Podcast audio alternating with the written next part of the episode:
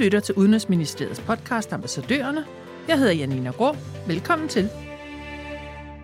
Et år efter coronaens indtog i Europa, taler vi med danske ambassadører om året, der gik i coronaens tegn.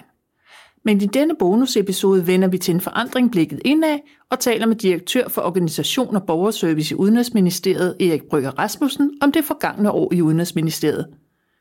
Som øverste chef for borgerservice var han med til at male verden orange i marts 2020 og frarådede alle ikke nødvendige rejser til hele verden. I januar 2021 skiftede verden igen farve, denne gang til rød. Det betyder, at alle rejser frarådes. Erik Brygger Rasmussen stod også i spidsen for den største krisehåndtering i Udenrigsministeriets historie, da alle danske turister i marts 2020 fik besked på at vende hjem til Danmark. Og måske bliver det også ham, der i en forhåbentlig ikke alt for fjern fremtid kommer til at farve verden grøn og tilgængelig igen. Kan du kende stemmen, skyldes det måske, at Erik Brygger Rasmussen under coronakrisen har været Udenrigsministeriets faste deltager i regeringens coronapressemøder det forgangne år. Velkommen til dig, Erik Brygger Rasmussen. Tak for det. Du har tidligere beskrevet dig selv som manden med oliekanden, der servicerer Udenrigsministeriets tandhjul, men du kan tydeligvis også betjene en malerpensel. Inden vi skal snakke om at male verden først orange og nu rød, og om evakueringen af tusindvis af danske turister, starter vi med dig. Hvis jeg nu nævner datoen den 13. marts 2020, hvad siger du så? Ja, det var, det var en fredag, så det var fredag den 13. Og, og det var jo så den dag, vi, vi gik ud og sagde til øh, alle danskere i hele verden, der var på rejse, at de skulle komme hjem, øh, fordi verden simpelthen øh, lukkede ned. Det var en ret voldsom dag. Hvad er egentlig din baggrund, og hvorfor var det lige dig, der blev ansigtet på Udenrigsministeriet under coronakrisen? Jamen, min baggrund i Udenrigsministeriet er, er en ret klassisk tilgang. Jeg har været her i godt 20 år og haft forskellige øh, stillinger, både i København og ude på ambassaderne. Og, øh, og i en eller anden forstand er det jo lidt en tilfældighed, at, at jeg så i øjeblikket sidder i, i den stilling, hvor en, en del af min portefølje er at være det, vi kalder organisatorisk uh, talsperson for Udenrigsministeriet. Og, og i et normalt år, så udtaler jeg mig to eller tre gange, typisk i forbindelse med et jordskæld i et eller andet land, eller hvis Rigsrevisionen kritiserer os for, for, for et eller andet. Så, øh, så det er klart, at, at det, det sidste år har jo så bare gjort, at, at den der talspersonsrolle, den har fået en, en, helt ny, øh, en helt ny dimension, en meget voldsom dimension, øh, kan man sige. Men, men dybest set var det lidt tilfældigt, og, og faktisk var det heller ikke, da, da den funktion blev lagt i min portefølje, den kunne vi også have, have, have lagt et andet sted, i, øh, enten i direktionen eller hos en, en anden øh, medarbejder i, i huset. Øh, det blev faktisk drøftet på, på det tidspunkt, men så, så blev vi enige om, at det er ikke nogen stor funktion, så, så den ligger vi hos, hos dig, Erik, og så sagde jeg, okay, det finder vi ud af. Havde vi lagt noget sådan anden, jamen så var det vedkommende, der havde, havde taget al den eksponering. Den 13. marts 2020 på et pressemøde gik hele verden som sagt i orange. Det betyder, alle unødvendige rejser farrådes. Det ramte rigtig mange danskere, alle dem, der gerne vil ud at rejse, rejsebranchen og forsikringsselskaberne. Hvad betød det konkret for dig og Udenrigsministeriets medarbejdere?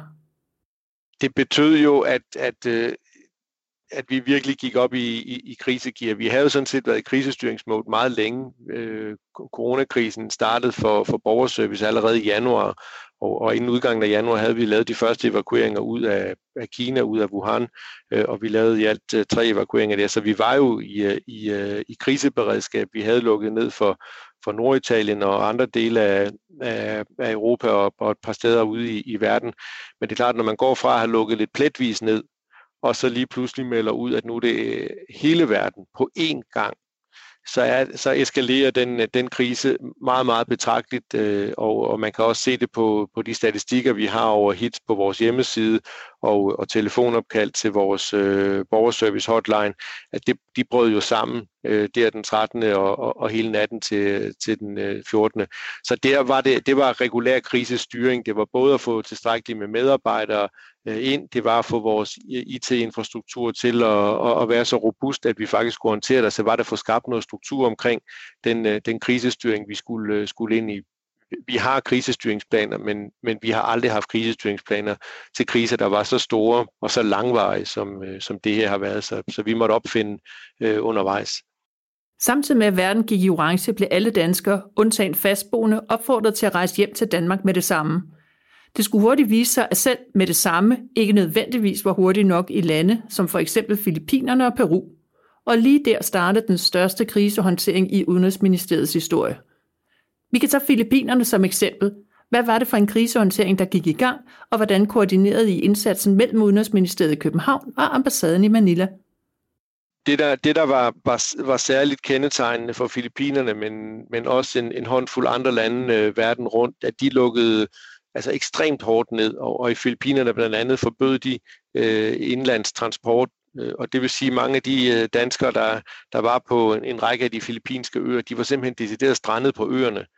Øh, vi kunne godt få lov af, af de filippinske myndigheder at, at tage, tage hvad det, danskere ud af Manila, men de kunne ikke få lov at flyve til Manila, eller sejle for den sags skyld. Og det er klart, det var, det var noget af en, af en, en udfordring. Det var ikke en, vi, øh, vi sad med alene fra den side. Det sad øh, en lang række andre lande selvfølgelig også med, så vi arbejdede sammen også med, med dem. Men, men, men opgaven her var jo så dels at finde ud af, hvor er danskerne præcis hen? Hvilken ø befinder de sig på? Hvor langt er de fra Manila eller en større øh, lufthavn? øh, og så for hver enkelt af dem nærmest ned og minutøst og, og, og lave en, en plan for, når muligheden måtte byde sig, hvor skal du så hen, øh, og hvordan kan du komme, øh, komme derhen. Øh, ambassaden havde dialogen med, med myndighederne derude løbende, både i nordisk kreds også og i, og i, i EU-kreds, for øh, at finde åbninger for at få lov at flytte, flytte vores, vores borgere rundt. Øh, og det tog ek- ekstremt lang tid. Det er en meget lille ambassade, så vi måtte også sende øh, ekstra bemanding derud for at aflaste, fordi de dybest set arbejder i døgndrift, og det er der jo god grund ikke nogen, der kan, der kan holde til.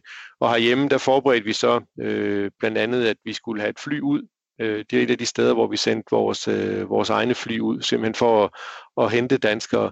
Øh, så det er en ret stor øh, operation. Vi driver jo ikke normalt flyrejser til, øh, til daglig, og når man så kun må flyve øh, med særtilladelser fra det land, man skal til, og de særtilladelser ikke er nemme at få, og når man har et land, som er så, så ørigt og så stort som Filippinerne, så bliver det altså en, en ret svær og, og stor logistisk opgave, som tog øh, en del tid, men, øh, men vi lykkes jo med at få flyet ud, få det fyldt op, at få, øh, få danskere øh, bragt hjem til, til jo et helt nedlukket Danmark også, men, øh, men altså hjem fra det, de troede skulle have været en god ferie, øh, og så lige pludselig øh, blive fanget i noget helt andet.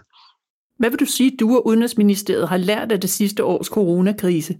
Jamen jeg tror, der er mange ting, vi har lært, og, og vi har jo en, en egentlig evalueringsrapport af, af forløbet i foråret, som, som er ret, øh, ret dækkende for, for, hvad vi har lært.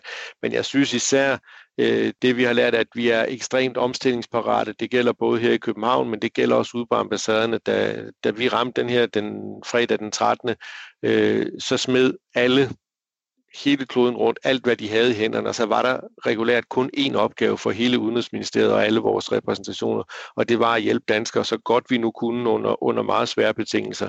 Øh, og det skete både uden at vores medarbejdere øh, slog op i banen og sagde, at det vil vi ikke være med til. Tværtimod, så, øh, så ville alle gerne være med på det hold, fordi det var enormt øh, meningsfyldt.